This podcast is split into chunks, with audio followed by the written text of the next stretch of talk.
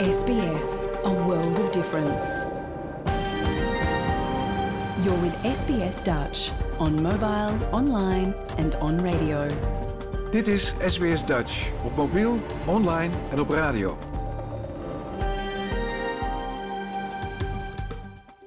Graag erkennen wij de traditionele eigenaren en verzorgers van het land van waar we vandaag SBS Dutch uitzenden en uiten we ons respect aan de Camaragal mensen van de Kurungay Nation en hun ouderlingen uit het heden en het verleden. Ook kennen we de traditionele eigenaren van alle Aboriginal en Torres Strait Islander landen van waar u vandaag naar ons programma luistert.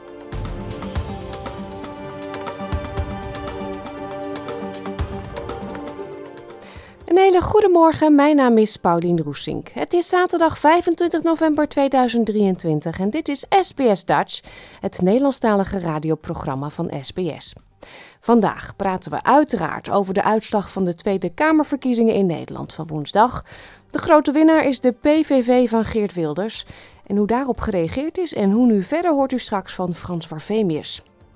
Het heerlijke avontuur komt steeds dichterbij. Volgend weekend zullen veel mensen pakjesavond vieren. Een goed moment om met Nicole Holten van foodblog The Dutch Table het over al het lekkers te hebben wat er met Sinterklaas op tafel komt. Waaronder gevuld speculaas. Verder een nieuwe miniles Nederlands waarin we tellen van 10 tot 20. En ook een nieuwe aflevering van de Boekenhut, waarin leesconsulente Larissa de Ru dit keer een populaire Nederlandse kinderboekenserie bespreekt. Dat, het willekeurige weekoverzicht en muziek allemaal straks. Nu eerst nieuws uit Australië. Kunstmatige intelligentie heeft nu al invloed op het dagelijks leven van mensen, inclusief de manieren waarop we werken en winkelen. Het zorgt zelfs voor een revolutie in de gezondheidszorg. Maar landen worstelen ook met de manier waarop ze AI-onderzoek moeten reguleren en financieren om te voorkomen dat het wordt misbruikt. En die taak blijkt in eigen land moeilijker te zijn. En uit een nieuw rapport blijkt dat Australië achterloopt op het gebied van financiering en onderzoek op het gebied van AI-technologie. SBS Dutch. Deel onze verhalen op Facebook. Kunstmatige intelligentie kan levens verbeteren, maar ook schade aanrichten. Maar oprichter en CEO van adviesbureau het Social Outcomes Lab, Nazia Ahmed, gebruikt AI op een positieve manier. Zij probeert te voorkomen dat kinderen in de jeugdgevangenis belanden en ontdekte dat het heel belangrijk is om jonge mensen met een problematische achtergrond te betrekken bij onderwijs. AI kan daarbij helpen, zo zegt ze. If you have um, some existing trauma, you have anxiety when you're trying to learn things, um, and you've got low literacy levels, um, AI can be used to work out well, how can some information be presented to you so it's easier for you to learn in the way that you learn. So there's a big potential to customize. So imagine working with this this cohort, right? They're very vulnerable. They're most likely to end up in the adult justice system, and now you could use technology to get education to them in a better way so that they can learn it, and also make them more likely to be able to be successful in the workplace. Het is slechts een van de vele manieren waarop Australische organisaties of bedrijven kunstmatige intelligentie hopen te gebruiken om sociale resultaten of productiviteit te verbeteren. U hoort Kylie Walker, de CEO van de Australian Academy of Technological Sciences and Engineering. So, just as the steam engine fundamentally changed the way that people lived and worked, AI is the steam engine of today, if you like. It's changing already the way that we live, the way that we work, the way that we learn, and the way that we play and care. Our, our moment to uh, seize the day for driving responsible AI has arrived here in Australia and globally, and we need to make sure that we don't miss that train. Maar AI-experts waarschuwen dat Australië de boot dreigt te missen om een wereldspeler te worden bij het creëren van AI die veilig, beveiligd en ethisch is. Uit een nieuw rapport met de titel Responsible AI blijkt dat Australië de afgelopen 20 jaar achterop is geraakt op het gebied van overheidsbeleid, financiering, onderzoek en investeringen. Directeur van het Australian Institute for Machine Learning, professor Simon Lucy, is een van de 13 experts die hebben meegewerkt aan het rapport. right? We're seeing things like ChatGPT, we're seeing autonomous vehicles, we're seeing robots, we're seeing new types of antibiotics that are being developed. And there's this realization that the technology potentially needs some guardrails. We need ways of making sure that the technology is being used in a way that sort of matches our society's um, values, um, ethics, and sort of governance. And so responsible AI is really sort of a, a reaction to that.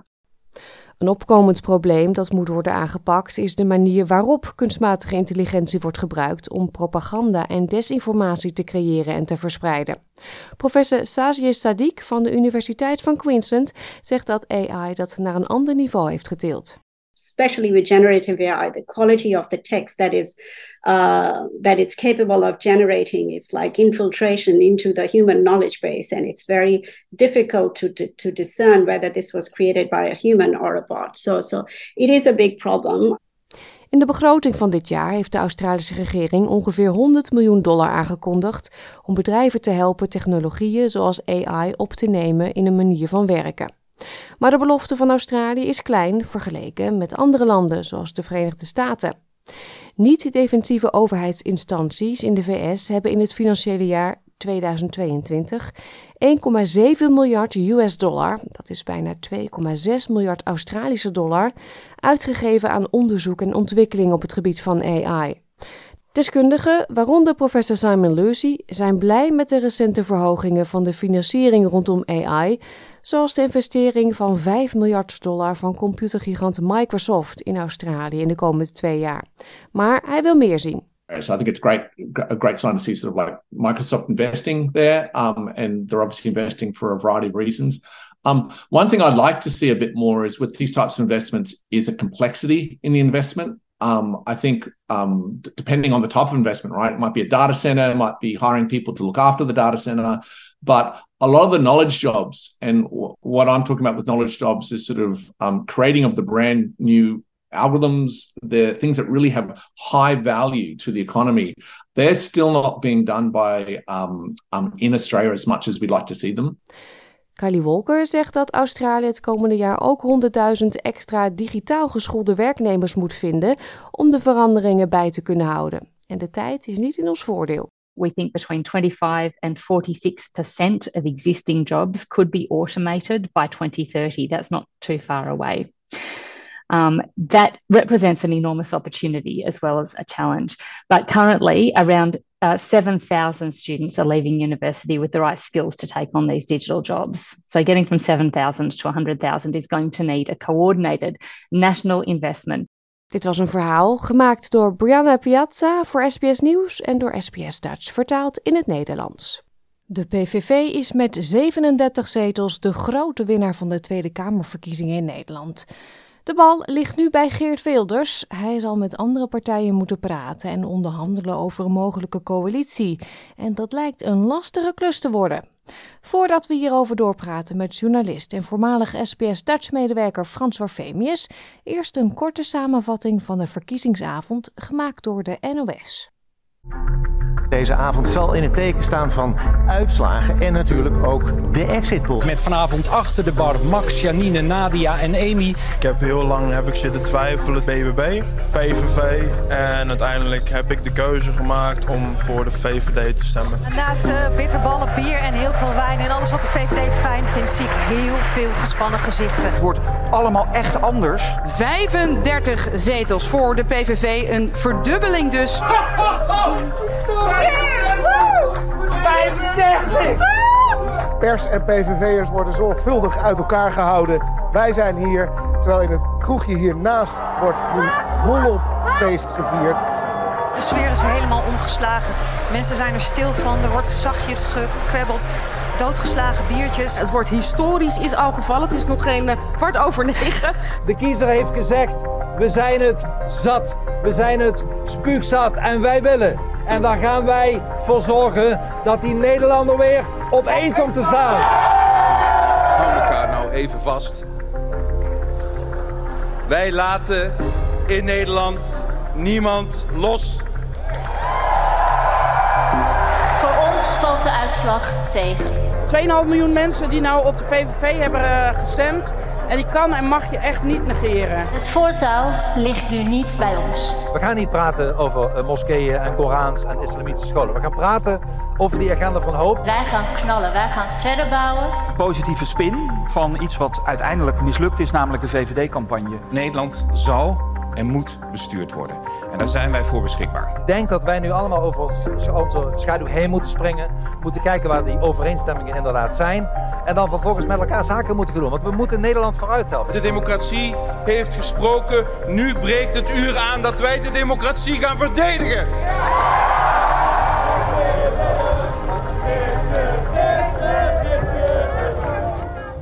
Ja, dat was een uh, korte samenvatting van verkiezingsavond. Dat is inmiddels alweer een uh, dag geleden voor jou. Ja. Hoe is de sfeer inmiddels? Is het nieuws een beetje aangekomen, ingedaald? Nou ja, iedereen die is daar nog over aan de praat. Het journaal van vandaag, dus dan heb ik het over de, de dag na de verkiezingsuitslag hè, op de donderdag. 25 minuten over de verkiezingen en over datgene wat er dan gisteren uh, is gebeurd. En wat er dan vandaag allemaal aan feesten voor een deel en aan de andere kant wonden moeten worden gelikt. Hmm. Dus dat indalen van die verkiezingen, dat neemt nog tijd. Ik begrijp dat er morgen dan komen de partijleiders, die komen bij elkaar. En dan dus, de grootste partij, de PVV, dat weten we allemaal. Die uh, is dan degene die kan beginnen met formeren. Dat wil zeggen, zij gaan een verkenner aanwijzen. En die verkenner die moet dan gaan praten met de partijleiders om te gaan onderzoeken wie waar een deelgenoot kan worden van de coalitie. Ja, dit is natuurlijk een uh, heel belangrijk punt. Wie waar en wie wil met wie en wie niet. Want ja. daar heeft Geert Wilders ja. natuurlijk uh, mee te maken dat van tevoren er al partijen hebben gezegd: met hem gaan we niet regeren. Ja, dat is gezegd. En wat vaak in de politiek gebeurt, en dat is ook nu weer aan de hand, dat is dat die hele absolute mening die uh, is er niet meer als zodanig. Dus waarbij Jesucus aangaf van, nou ja, in, uh, niet met, met, met de PVV.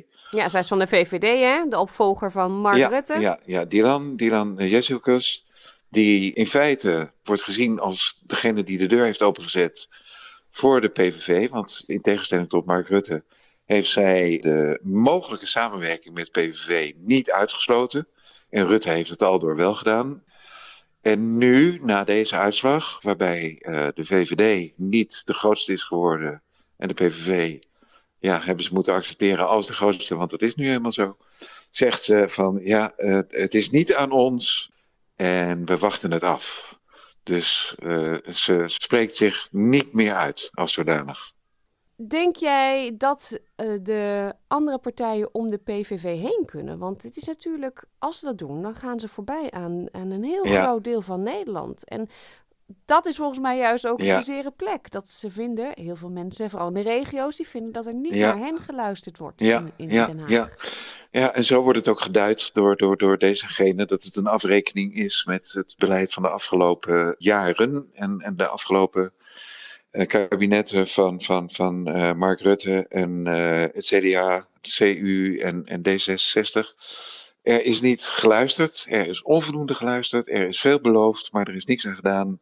En dat heeft ertoe geleid dat er nu dan deze uitslag is gekomen. En kunnen mensen om de PVV heen? Nou ja, je hoort eigenlijk gewoon dat, dat, dat Geert Wilders al in zijn uitspraken dat probeert voor te zijn. Zo van, uh, het zal niet gebeuren en het gaat niet gebeuren dat wij geen deel uitmaken van de regering. Dus in theorie is het mogelijk, maar uh, praktisch zal het zo zijn, en zo wordt er uh, vanavond ook in het journaal over gesproken, dat al de partijen die zullen toch moeten tonen dat zij in gesprek gaan met de PVV, want van de kiezers van, uh, de, van Pieter Omtzigt, de NSC, en de kiezers van de VVD, die geven aan, dat blijkt uit onderzoek, dat zij de samenwerking met de PVV zien zitten. Dus dan kan je als partij kan je volhouden dat dat eigenlijk niet is wat je, wat je voorkeur is. Maar ja, dan ga je tegen je eigen kiezers in en dat kan je niet lang volhouden. Nee, de exit polls op de avond zelf uh, waren al uh, ja, verpletterend uh, vanuit ja. de PVV, zeg maar. Daar, dat is nog ietsjes opgelopen, hè? 37 zetels staan ze nu op. Ja. Um, die andere grote winnaar, je noemde de partij net al, is de NSC van Pieter Omtzigt. Ja. Een compleet nieuwe partij waar we drie maanden geleden nog niks van gehoord hadden. Nee. Um, hoe groot is de druk op hen nu? Want zij kunnen best een belangrijke rol spelen, linksom of rechtsom, letterlijk. Ja, ja, nou ja, ik, ik zie een enorme uh, blijdschap en verkiezingswinst uh, vieren. Dat zij van 0 naar 20 zetels in één keer. En inderdaad niet eerder bestonden en heel lang gewikt en gewogen. Zal ik, zal ik niet. Wauw, was zijn eerste reactie. Dat is niet zo inhoudelijk als dat je dat eigenlijk van hem zou kunnen verwachten. Maar goed, dat is secreet geweest. En vervolgens uh, denk ik dat hij heel erg blij is met het feit dat hij niet de grootste is geworden. Dus al dat uitstel van word jij, als je de grootste wordt, word jij dan de premier van Nederland? Ja, dat weet ik niet, dat weet ik niet, dat ga ik nu nog niet zeggen, dat weet ik niet. Nu is hij geen winnaar en zit hij met een andere vraag, namelijk ga ik samenwerken met de PVV, waarvan ik geroepen heb, dat wil ik niet. Want die zijn staatsrechtelijk niet in orde en die wijzen delen van de grondwet af. Maar ja, dat is een andere afweging, een andere overweging dan het probleem. Hoe moet ik de premier worden terwijl ik eigenlijk liever het beleid en de regering wil controleren vanuit de Kamer, waarin die ook heeft bewezen een perfecte uh, plek in te nemen. Ja, en, en tot een, nou ja, een week, anderhalf week geleden stond de NSC echt bovenaan. Hè? Zou het de grootste partij worden. Ja. Maar, dus je zou bijna kunnen zeggen, Ja. nou, het valt misschien een beetje tegen, maar waarschijnlijk vanuit een nieuwe partij geredeneerd is dit eh, prima. Waarschijnlijk wel mee kunnen regeren, maar niet meteen helemaal eh, vooraan staan. Ja, ja, ja, ja, ja. Dus dat is, dat, is, dat is een voordeel en dat is een probleem voor de PVV, want dit is een partij zonder eh, regeringservaring, eh, zonder bewindsliedenervaring. Dus die moeten dat nu gaan, gaan zien op te bouwen of in elkaar te bouwen. En dat probleem, dat ligt nu bij de PVV. Dat heeft NSC niet. Dus die zit in een veel, eh, vanuit hun eigen perspectief gezien, veel eh, prettiger positie. En de PVV, ja, die, die moet dat zien te rooien. En wat heel veel mensen zich niet realiseren, is dat het een eenpersoonspartij is. Hè? Er is niemand lid. Alleen Geert Wilders is lid. En in die zin een, eigenlijk een hele eigenaardige constructie. En een man die ook schijnt nogal eh controlfreak te zijn. Of een, een- alles wil kunnen controleren. Nou, dat wordt heel erg lastig als je zelf premier bent. En dan, Maar denk dan- jij dat wij een premier Wilders gaan krijgen Dat zou als het kunnen. aan hem ligt? Heeft hij zich daarover uitgelaten? Wilders die wil premier worden. Ja. Want ik denk meteen aan beveiliging. Dat, die, die man is nu al zo beveiligd. Nou, moet je nagaan als dat het uithangbord van Nederland is en naar allerlei landen moet gaan. Hoe moet dat dan qua beveiliging wel niet gaan? Ja, dat is een punt. Dat, dat kan ik helemaal niet overzien. Maar Wilders heeft zich in de laatste week van de verkiezingen heeft hij aangegeven dat hij wil eh, regeringsverantwoordelijkheid nemen, dat hij de premier wil worden. En dat heeft hij eh, eh, ook nu met de verkiezingszegen heeft hij dat herhaald. En wil hij de premier zijn van alle Nederlanders. Ook dus degene die de PVV eigenlijk liever niet zien. Nee, want volgens hem is er een verschil tussen een PVV in de, in de oppositie en een PVV in het kabinet, hè? Dat kan zijn, maar ja, dat partijprogramma is niet veranderd. En hij zegt dat, die, dat er andere problemen zijn die eh, belangrijker zijn om aan te pakken. Waaronder de woningnood, waaronder eh, ja, dat er mensen te weinig eh, geld in hun eh, portemonnee hebben. Waaronder problemen in de zorg. Waaronder, en dat zeg ik nu als laatste, maar dat roept hij als eerste, de immigratieproblematiek. Dat is wat de Nederlander opgelost wil hebben. Dat gaat hij oplossen. En alle andere problemen waar het gaat over de islam en waar hij zich zo sterk uitspreekt over bijvoorbeeld de Nexit, Nederland uit de, de Europese Unie, dat gaat dan in de koelkast. Nou ja, dat betekent, dat weten we allemaal, koelkast is er om dingen te bewaren. Dus dat is er dan, dat wordt tijdelijk geparkeerd, maar dat verdwijnt niet. Nee. Ehm, de BBB maakt natuurlijk een enorme grote slag tijdens de provinciale statenverkiezingen. Eh, Ja. Nu van 1 naar 7 zetels. Dat is ook niet Ja. verkeerd. Misschien had Caroline van der Plas meer verwacht. Heeft zij zich uitgelaten over deze uitslag? Ja, daar is ze heel blij mee.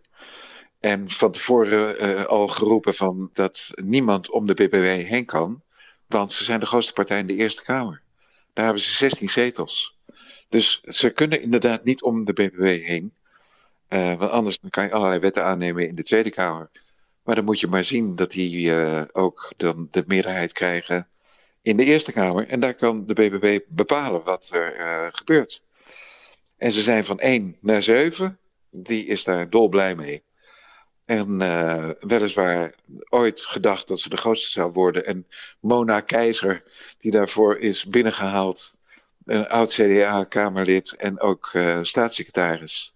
Dat was dan vanuit de BBB gedoodverfde minister-president. Nou ja, die vlieger is niet opgegaan. Maar Caroline is uh, dolblij met deze uitslag. En met open armen stapt zij op Geert Wilders af. En dat heeft ze ook tegen Pieter Omzicht uh, gezegd.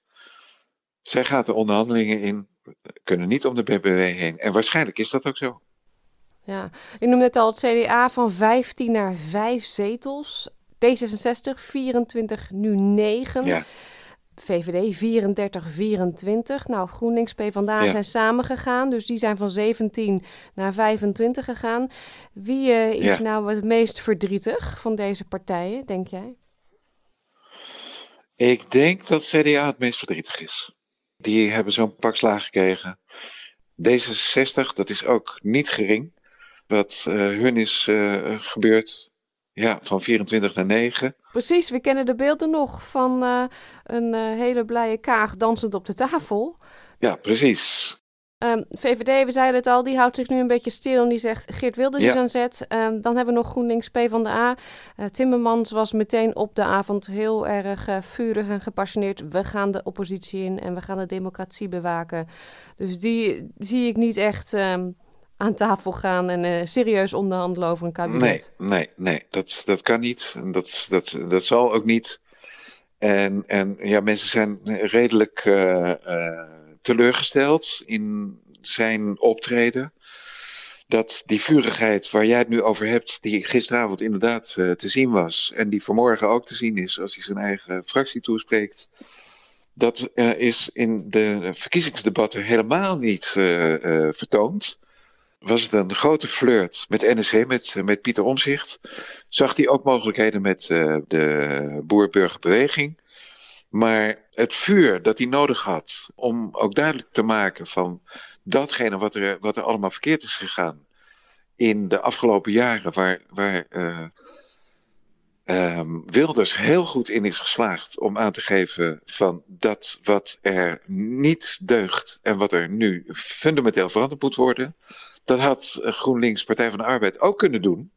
Maar dat is niet gebeurd. Ja, tot slot, ik zag heel veel verbaasde reacties uh, op verkiezingsavonds bij de partijen, bij de media ook.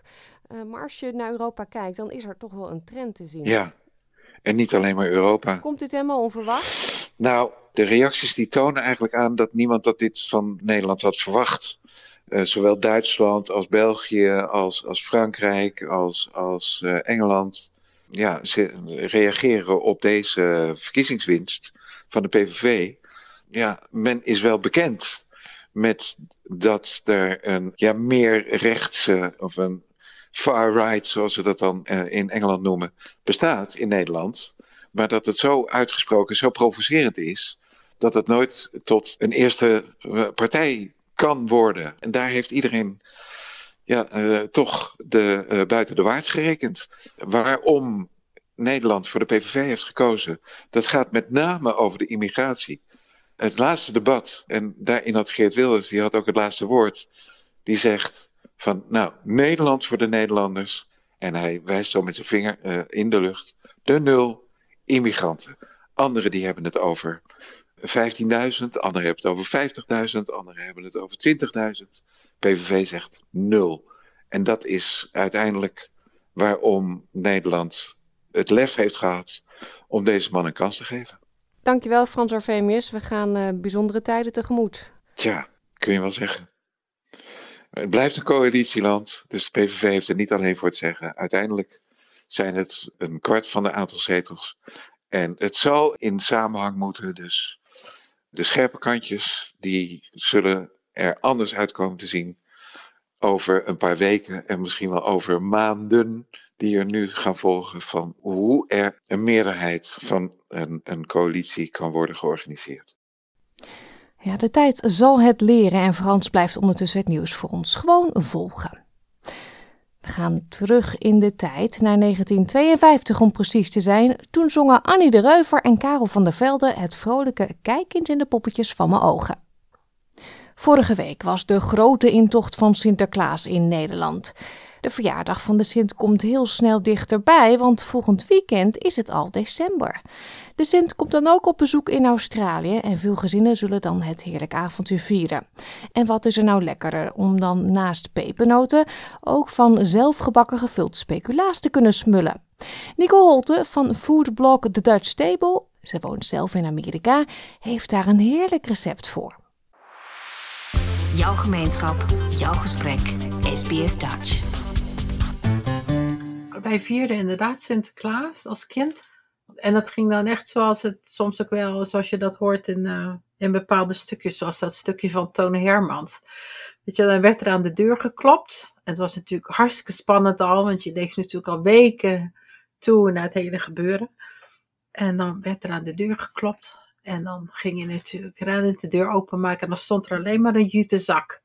Maar in je geheugen of in je verbeelding staat er natuurlijk Sinterklaas nog om de hoek en alle pieten staan om de hoek. Dus het is allemaal heel erg spannend. Ehm, wij zetten altijd onze schoen en daar ging dan een uh, gedichtje in of een tekening, een wortel natuurlijk voor het paard. Heel hard liedjes en, zingen.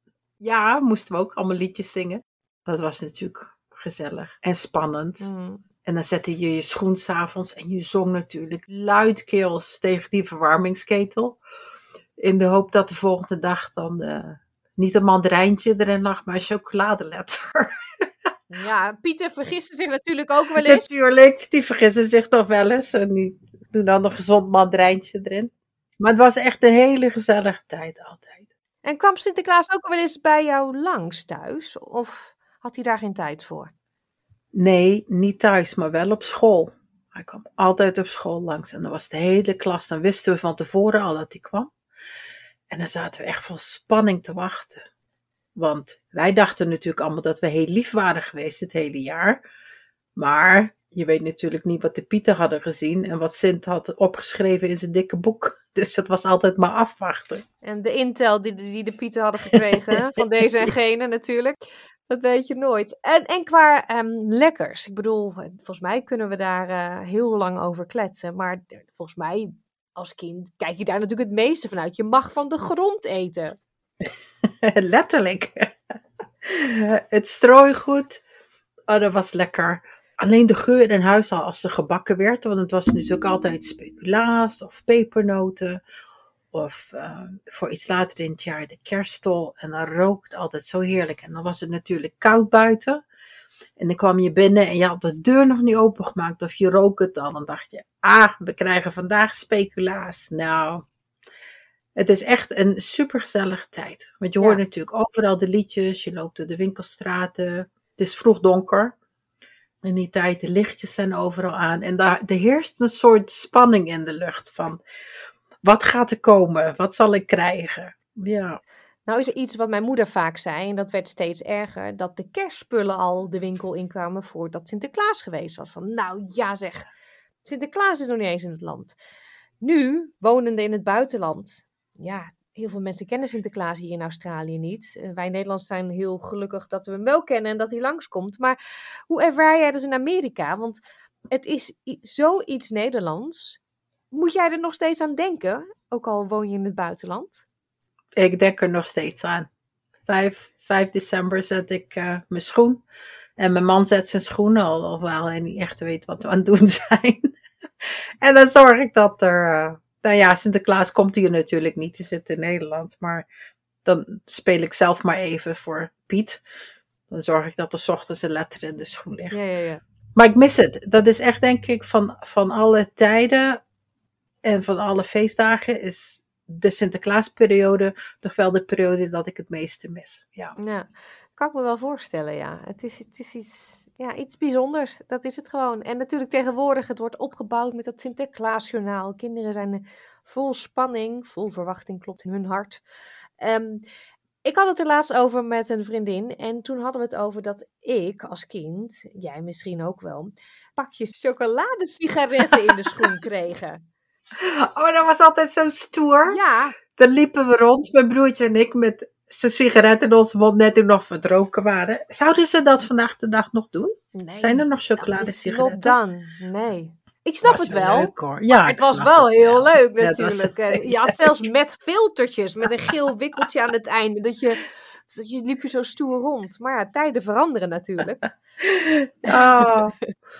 Zo veranderen wel meer dingen, denk ik. Ja, en eh, pepernoten. Hè? In mijn tijd had je gewoon de klassieke pepernoten. Eh, toen kwamen de chocoladepepernoten. Nou, nu heb je ze met allerlei smaakjes en, eh, en laagjes eromheen. Maar wat vind je daarvan? Heb je ze geproefd met die chocola en die andere pepernoten? Ja, karamelzeezout, de M&M smaak, de stroopwafelsmaak. Je hebt echt, je kan het zo gek niet bedenken. Ik heb wel een beetje een limiet. Maar ja, die chocolade, ik bedoel, whatever. Doop het in chocolade en ik vind het waarschijnlijk wel oké. Maar die zijn bij mijn kinderen ook wel geliefd. Die bak ik natuurlijk niet zelf. Maar de chocoladepepernoten, ja, dat, daar houden ze wel van. Ja, toch wel lekker. Ja. Ik heb ze nog niet geproefd. Ik ben toch een beetje een, eh, een traditionalist, denk ik. Oh ja. Ik heb toch nog liefst een handvol zelfgemaakte pepernoten. Ehm, kruidnoten. Ze heten eigenlijk kruidnoten, hè? Wat is het verschil? Dat is een goede vraag. Dus wat wij pepernoten noemen, zijn eigenlijk kruidnoten. Die kleine, harde dopjes, die gevuld zijn of die gemaakt zijn met alle warme specerijen. Dus je hebt kaneel, een beetje nootmuskaat, zelfs witte peper soms erin, voor een goede smaak. Wat wij dus pepernoten noemen, zijn eigenlijk kruidnoten. Pepernoten, traditioneel zijn die vierkante blokjes tai Ja. En die zijn dus op smaak gemaakt met anijs. En er zit een soort kleffe... Niet mijn favoriet. Nee, zeker mijn tweede keuze. Wat is dan je favoriet? Ja, dan is het toch gewoon de kruidnoten. Wat dacht je van een stukje gevulde speculaas? Heb ik wel eens zelf gemaakt. Dat, dat ging best goed. Dat is inderdaad, het is niet moeilijk om te maken. Nee. En het is echt heerlijk. Kopje koffie, kopje thee erbij. Niet te groot puntje, want het is toch vrij machtig. Nou, gevulde speculaas is voor mij wel echt Sinterklaas eten. Ik had wel in de familie iemand die heel erg van schuimpjes hield. Dus dat kregen wij ook altijd. eh dat haalde mijn moeder dan. Van En- die zachte schuimpjes of van die harde schuimpjes? In de vorm van een paardje. Ja, precies. Die. Oh ja, die. Maar niet, ze zijn niet keihard, maar ze zijn even, ja, van binnen zijn ze nog wel zacht. Ja. Ja. En dan de tumtummetjes erbij. Ehm, vroeger, toen ik klein was, hadden we ook van die ehm, keiharde snoepjes met lettertjes. Dat waren vierkantjes en hadden allemaal verschillende lettertjes. Ik weet niet meer hoe dat heet. Weet ik ook niet meer. Die waren kei en keihard. Ja, Ik geloof ook niet dat er echt een smaak aan zat. Het was meer een kleurtje. dat denk ik ook, ja. ja. Maar dat zat dus allemaal in strooigoed. Is dat nou de stoomboot die ik hoor? Dat zou goed. Oh. Stel je voor, zeg. Ik denk dat je verrast wordt dat Sinterklaas eh, jouw kant ook opkomt. Oh. Nou, dat zou wat zijn. Ik ga helemaal rechtop Nee, zitten meteen. Natuurlijk, ja, ja, ja. Nee, eh, voor de luisteraars, eh, Nicole woont dicht bij een spoorlijn. En eh, die trein kondigt zich aan met even de toeter. Maar het zou wel leuk zijn. Het klonk echt wel even als Sinterklaas. Het klonk inderdaad net als een stoomboot. Ja, dat zou een verrassing zijn. En het kan ook nog, want er is een grote rivier vlakbij, dus wie weet. Oh, nou dan moet je het zo toch maar even checken of het de trein is of de boot. Nog even mijn schoen zetten, voor de zekerheid. Ja, die, die, die lekkere warme avonden bij het open haard, schoentje zetten, eh, koud buiten. In Australië hebben we die ervaring helaas niet. Daar is het eh, warm, vallen de mussen van het dak af. Toch kan ik eh, ten alle tijde gewoon lekker gevuld speculaas eten. En jij hebt daar een heel heerlijk recept voor, hè? Ik heb daar een prima recept voor. Ik heb het van de week nog even gemaakt opnieuw. En ik schaam me om te zeggen dat het niet lang op de tafel heeft gestaan. Ik heb dus ook maar mijn avondeten overgeslagen. Ja, nee, maar het is erg lekker. Ja, wat heb je daarvoor nodig?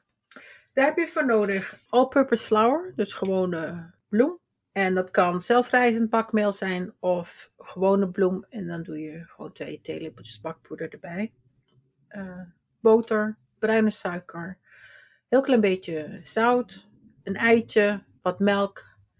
En dan wat misschien niet te verkrijgen is, maar gemakkelijk zelf te maken zijn natuurlijk de speculaas kruiden.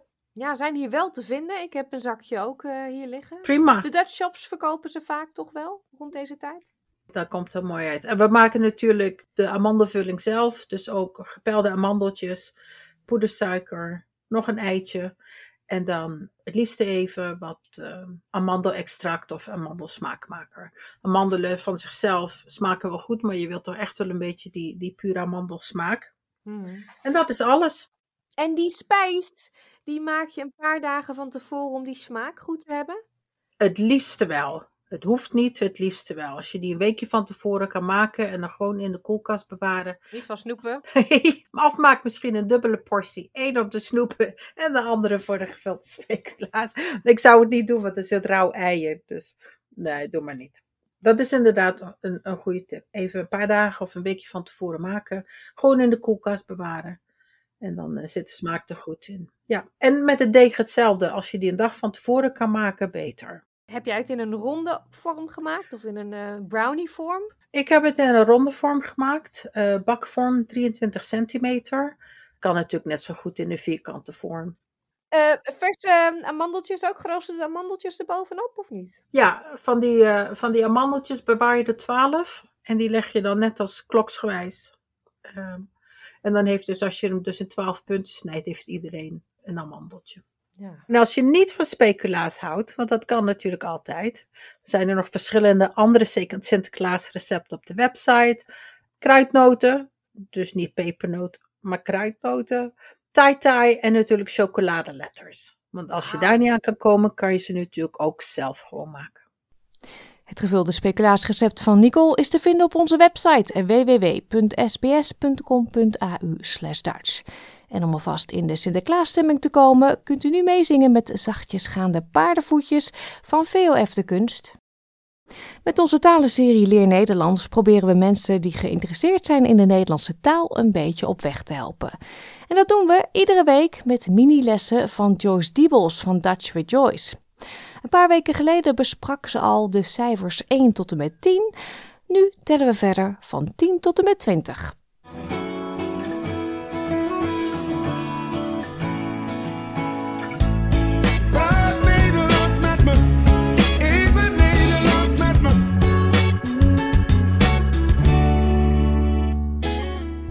Ik ben Joyce from Dutch with Joyce, and today we have another lesson.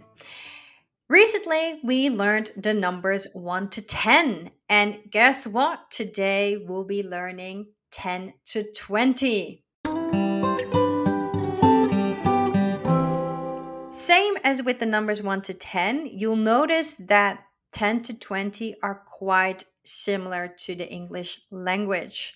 They have the same quirky alternating different numbers and words for them. So let's walk through them slowly but steady and have a listen how they sound and pronounce it at your own pace. So, pop quiz what was number 10 again?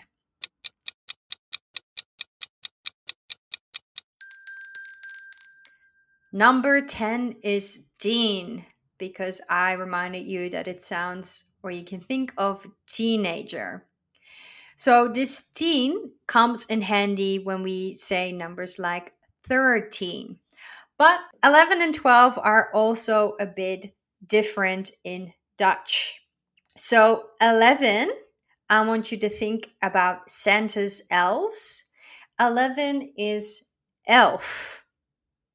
11 is elf elf. 12 is still quite similar, but I want you to try and say the A in the middle. 12. 12 is 12. And do you remember how to say 3? 3 is 3. And just like in English, we don't say 3 teen, we don't do that in Dutch either. But the rule of turning the TH in English into a D in Dutch remains. So 13 is dertien. So not der, maar dertien. Dertien. 14 is veertien. So not veer with an E sound, but more with an A sound. Veertien. 14. Then from 15 onwards, all the numbers are the actual number plus 10. So 15 must be 15. 15. 16 is then 16. 16. 17 is 17. 17. 18 is 18. 18. 19 is 19. 19. 20 is then a bit different and it gives you a teaser for the next lesson on numbers. With 20, I want you to think about twins. So you have two of the same. Think of twins and use that for twin. twin. Twintig. So the T in this case will turn into a tig, like tigger, tig. Twintig. 20 is twintig. En dat zijn de nummers 10 to 20. So let's repeat them after me in a row. 10, 11, 12, 13, 14, 15, 16, 17, 18, 19, 20. Dat zijn de nummers 10 tot en met 20. So I already asked you last time to say I have one book and I have two books.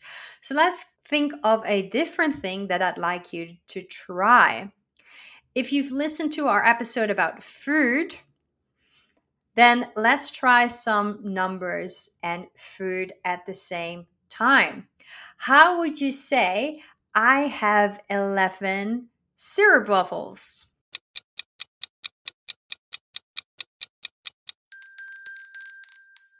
Ik heb 11 stroopwafels. How would you say, I have 13 meat sausages? the fried ones.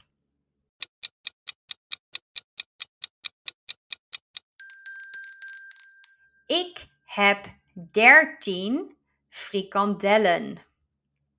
How would you say I have 18 croquettes?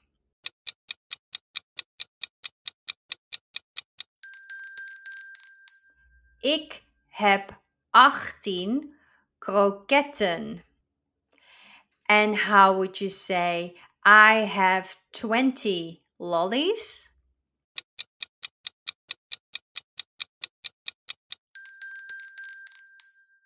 Ik heb 20 snoepjes. Ik heb 20 snoepjes. So, your challenge for this week try and repeat those numbers with things or with food that you have lots of. And we love to know what examples you can come up with. That's it for today. See you next time. Doei!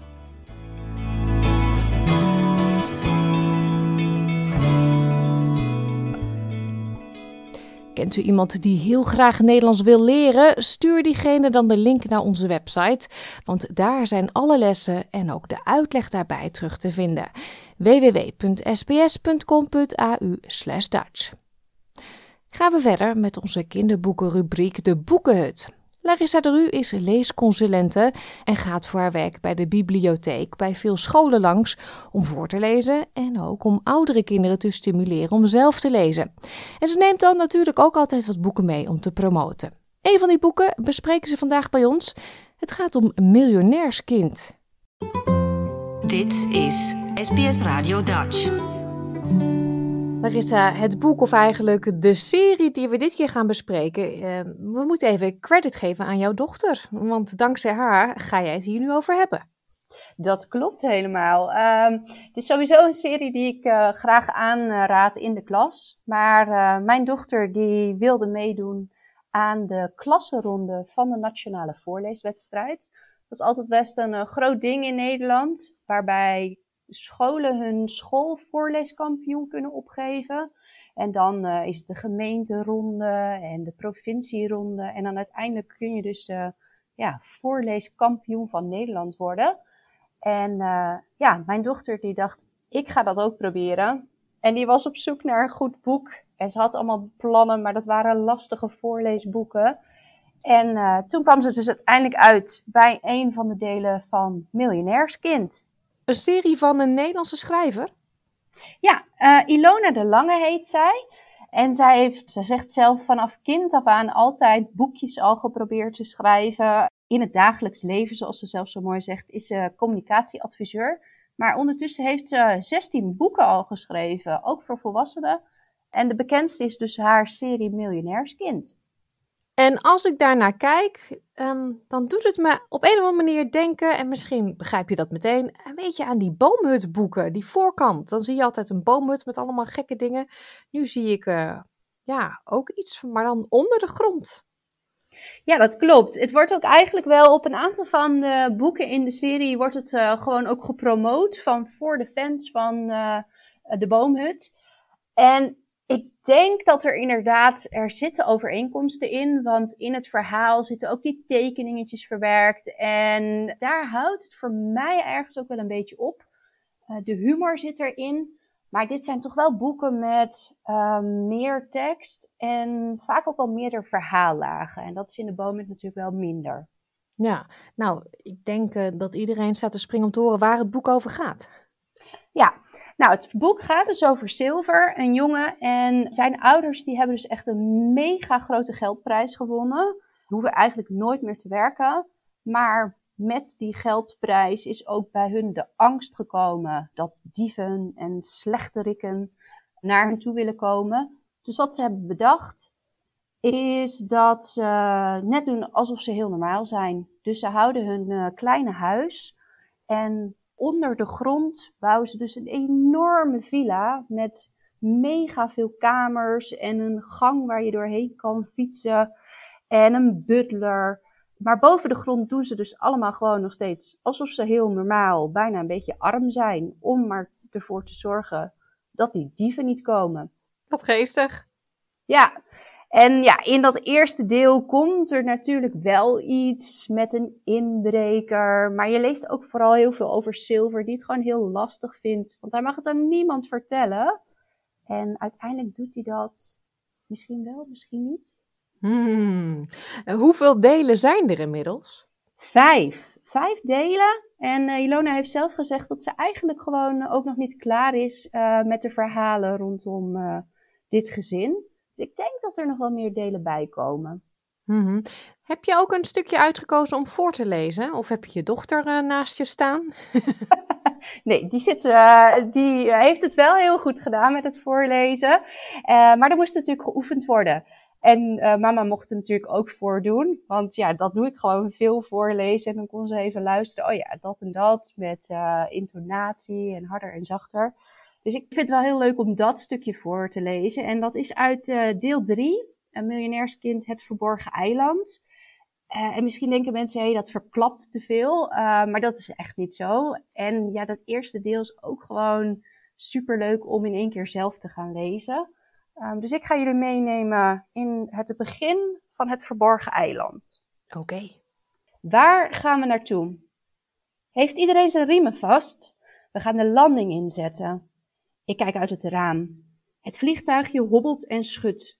We vliegen lager en lager, maar ik zie alleen maar zee. Mijn keel is droog. Aan de horizon zie ik een aantal eilandjes. Rotsachtige, zo te zien onbewoonde eilanden. Het is onmogelijk dat we daar gaan landen. En dan, dan zie ik het recht voor ons. Een dicht begroeid, bergachtig eiland in de vorm van een croissant. We vliegen er rechtop af. Tada, roept mijn moeder. Daar is ons nieuwe huis, jongens. Lennon en ik kijken elkaar aan. Niet te geloven, gaan we echt op een onbewoond eiland wonen? Het vliegtuigje raakt het water. We kaatsen omhoog en stuiteren daarna nog een paar keer op het water. Net zo lang tot we bijna stilstaan. Maar we zinken niet, we varen. Het is een watervliegtuig. Langzaam varen we op de opening tussen de rotsen af, naar het eiland. Door het gat zie ik een glimp babyblauw water. We varen er tussendoor en dan zijn we in de mooiste baai die ik ooit heb gezien. Ik weet niet waar ik moet kijken. Vliegen daar flamingo's? Recht voor ons is het strand, dat perfect zilver van kleur is. Ik knijp mijn ogen tot spleetjes. Staan daar mensen? Met z'n allen, Lennon en ik voorop, rennen we naar het strand. Onze moeders volgen met mijn zusje Emerald. Er klinkt tropische muziek. Mijn vader, met een bloemenketting om zijn nek, staat al met zijn armen uitgespreid op ons te wachten, net als de vader van Lennon. Welkom thuis, welkom in de zilverbaai. Mijn ouders zijn multimiljonairs en ze zijn panisch voor boeven en inbrekers. Daarom verhuizen we naar een supergeheime plek. Hmm. Nou, vraag ik me wel af voor welke leeftijd uh, zijn deze boeken? Nou, de boeken zijn aangeraden voor kinderen van 9 tot 12 jaar om zelf te lezen. Uh, maar ik denk dat mijn jongste dochter, en die is 8, als ze het voorgelezen krijgt, ook al wel helemaal meegaat in de humor. En dat is ook niet te spannend. Uh, maar zelf lezen van 9 tot 12. En ze zijn ook op verschillende platforms als luisterboek te krijgen. Ah, oké. Okay. En heel populair ook bij jou in de bibliotheek? Ja, het is een serie die wel aangeraden moet worden. Uh, maar als kinderen hem eenmaal in de klas, als ik hem in de klas meeneem, dan merk ik wel dat dat boek echt de hele klas doorgaat, uh, van kind naar kind. En als ze het eenmaal hebben ontdekt, ja, dan zitten ze er wel in. En dan is het zo lekker, hè, zo'n hele serie waar je in door kan. Ja, dan, uh, als je geen genoeg krijgt, kan je gewoon lekker door. Het miljonairskind. Dankjewel voor deze maand. En ik spreek je weer in het nieuwe jaar. En tot volgend jaar.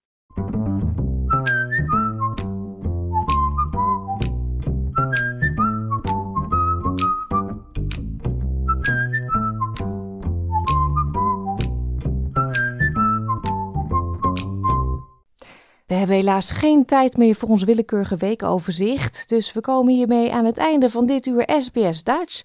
Ga naar sbs.com.au Dutch om deze aflevering of onze andere verhalen terug te luisteren. Dus ook alle boekentips van Larissa en de recepten van Nicole. Of download de gratis SBS audio app in de Apple Store of Google Play. SBS Dutch zit ook op Facebook. Zoek ons op, like de pagina en praat mee. We sluiten af met de wandelclub van Sugarly Hooper. Goed weekend en heel graag tot woensdag. Like, deel, geef je reactie. Volg SBS Dutch op Facebook.